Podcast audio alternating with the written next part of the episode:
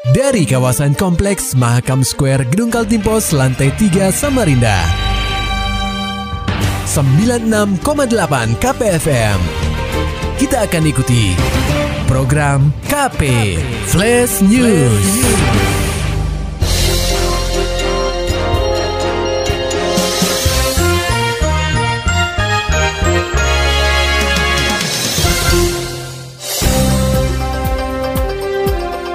Anda sedang menyimak program KP Flash News bersama saya Agung Pratama.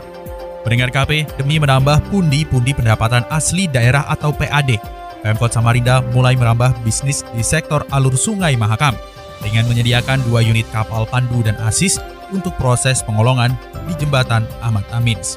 Dua unit kapal dengan tenaga 2 kali 1000 horsepower tersebut diperlihatkan langsung saat peresmian di Dermaga Mahakam Ilir pada Kamis 30 Juni 2022. Wali Kota Samarinda, Andi Harun, mengatakan sektor pelayaran di alur Sungai Mahakam menjadi salah satu potensi bisnis yang belum tergarap dengan maksimal.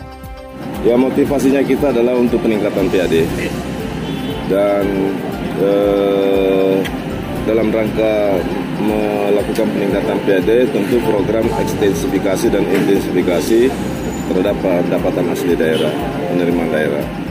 Salah satu potensi yang belum tergarap maksimal adalah uh, potensi di alur Mahakam. Dan hari ini kita memulai uh, melakukan kemitraan strategis dengan Pelindo bersama dengan uh, Perumda Varian Niaga agar secara konsisten dan bertahap kita akan menggarap potensi pendapatan daerah di sektor alur pelayaran Mahakam. Walau hanya digunakan untuk melakukan pandu dan asis dalam proses pengolongan di Jembatan Ahmad Amins, orang nomor satu di kota tepian ini akan melobi Gubernur Kaltim untuk membantu proses pengolongan di Jembatan Mahakam dan Jembatan Mahulu yang pengelolaannya berada di tangan Pemprov. Uh, karena kita udah punya apa namanya usaha di jasa kepelabuhanan, maka kita meminta gubernur memberikan persetujuan kepada kita untuk melakukan pengasisan di bawah kolom jembatan e, Kembar dan jembatan Mahulu. E, ini bisa menjadi apa namanya tambahan pendapatan bagi usaha jasa transportasi kita dalam bidang e, asis e, kapal ponton yang e, melintas di bawah tiga kolom jembatan ini. Sementara itu, Direktur Utama Perumda Varia Niaga Syamsuddin Hamade menuturkan kapal pandu dan asis ini bukan sepenuhnya milik pihaknya, melainkan bentuk pola kemitraan dengan BUMN dan BUMD di sektor pelayaran. Sistem kemitraan sendiri akan berjalan dengan pola bisnis to bisnis. Nah, kita baru bisa melihat potensi revenue. Jadi potensi revenue itu sekitar 3 miliar per bulan. Dari dua unit ini Pak ya? Dari dua unit potensi revenue. Pemilikan sendiri Pak, milik siapa sih sebenarnya kapalnya? Sudah punya perumdam atau Pemkot? Kalau tentunya bermitra, kita bermitra ya. Jadi yang kapal takut dan harapannya kita kepingin punya kapal takut sendiri. Karena kalau kapal takut itu kan kalau kita mau beli kan butuh waktu untuk proses membuat apa membuat takut itu. Sedangkan kan kita bergerak dari mulai PKS. Jadi setelah PKS baru bisa kita wacanakan untuk melakukan pembelian yang baru. Dari sudut pandang Perumda Varia Niaga sendiri, Syamsuddin menyebut potensi pendapatan dari pengelolaan kapal pandu dan asis untuk dua unit kapal ini bisa mencapai 3 miliar rupiah per bulannya. Harapannya, program ini sebagai awal untuk mengejut sektor PAD lain dari sektor alur Sungai Mahakam yang belum digali secara maksimal.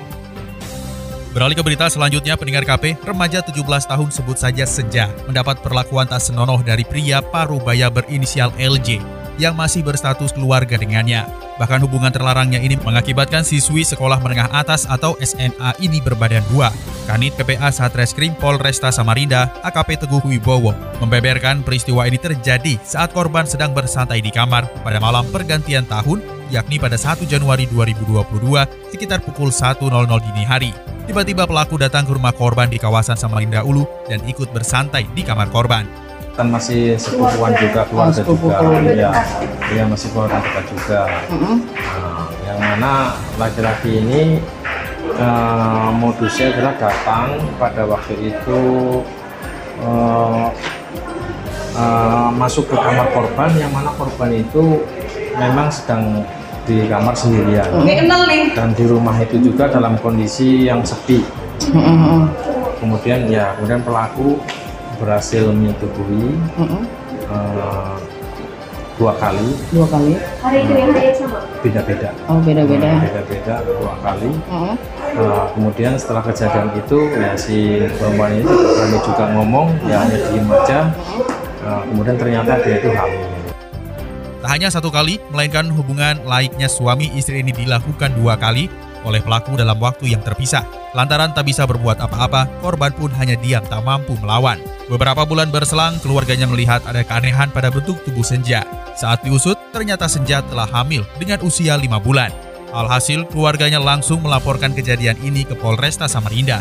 Tak butuh waktu lama, LJ akhirnya dibekuk di kediamannya yang berada di kawasan Samarinda Ulu. Ya alasannya karena waktu dia lagi alasan pelaku ya. Versi pelaku ini si korban ini manggil-manggil. Eh, si pelaku agar eh main ke rumah saya gitu. Kemudian dia tidak menanggapi. Kemudian pada malam harinya ya datang ya karena kan mau tadi manggil aku. Nah, ya sudah Situ aku datang, ya begitu datang si korban itu dalam keadaan hanya menggunakan celana dalam saja. Di kamar di kamar mandi di kamar tidurnya. Oh ngakunya gitu. Ya, ya kemudian ya si pelaku tidur di sampingnya Hmm. ya karena ya karena ya karena posisinya gitu kayaknya eh, timbul hasrat timbul hasrat kemudian ya terjadilah hubungan Oh. itu itu versi versi versi pelaku kalau versi dari korbannya memang ada mengundang memang ya kalau korbannya nggak ada nggak ada yang mengundang. Perbuatan tak senonoh LJ ini membuatnya dijerat dengan pasal 81 Jungto pasal 76D Undang-Undang RI nomor 17 tahun 2016 tentang penetapan Perpu nomor 01 tahun 2016. Perubahan kedua atas Undang-Undang RI nomor 23 tahun 2002 tentang perlindungan anak dengan ancaman maksimal 15 tahun penjara. Peringkat KP jelang Idul Adha, kebutuhan sapi di Kaltim mencapai 6.000 ekor. Laporan selengkapnya akan disampaikan oleh reporter KPFM Samarinda, Muhammad Nur Fajar. Pemerintah secara resmi menetapkan Hari Raya Idul Adha jatuh pada tanggal 10 Juli 2022.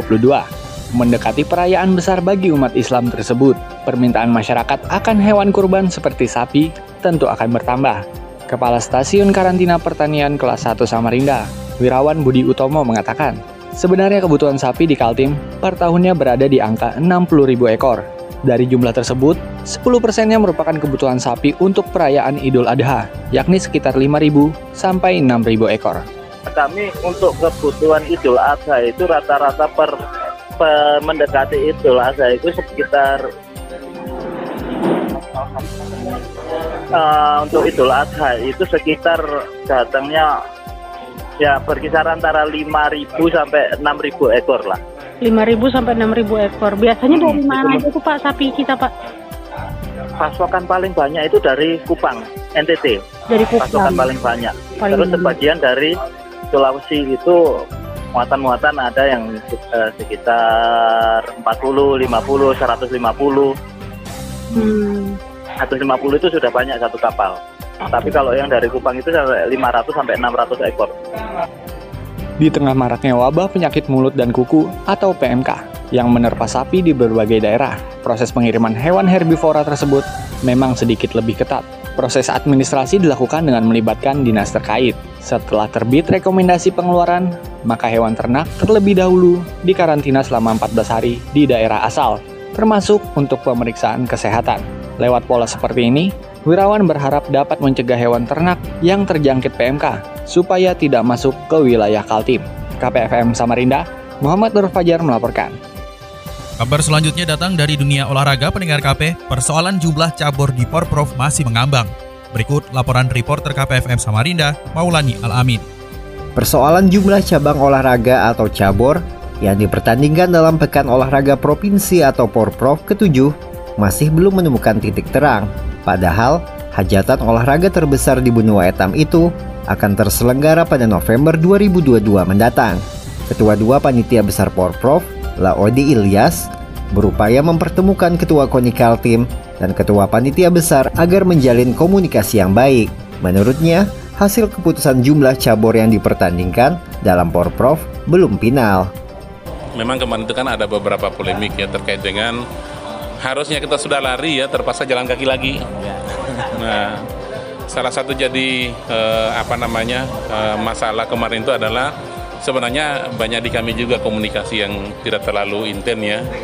Mungkin karena kesibukan ketua sehingga antara PB yang ada di KONI itu eh, komunikasinya agak eh, jarang lah gitu ya. Diketahui, pada 6 Juni lalu, Panitia Besar Porprov melakukan rapat internal yang menghasilkan keputusan bahwa event itu hanya menggelar 36 cabang olahraga. Padahal sebelumnya, hasil rapat kerja Provinsi KONI Kaltim memutuskan bahwa Porprov memainkan 63 cabang olahraga. KPFM Samarinda, Maulani Al-Amin melaporkan. Maulani Alamin, Muhammad Nur Fajar, KPFM Samarinda. Serta dapatkan berita-berita selengkapnya di www.968kpfm.co.id. Demikian tadi telah kita simak rangkaian berita-berita yang terangkum dalam program KP Flash News. Persembahan dari 96,8 KPFM. Terima kasih dan sampai jumpa.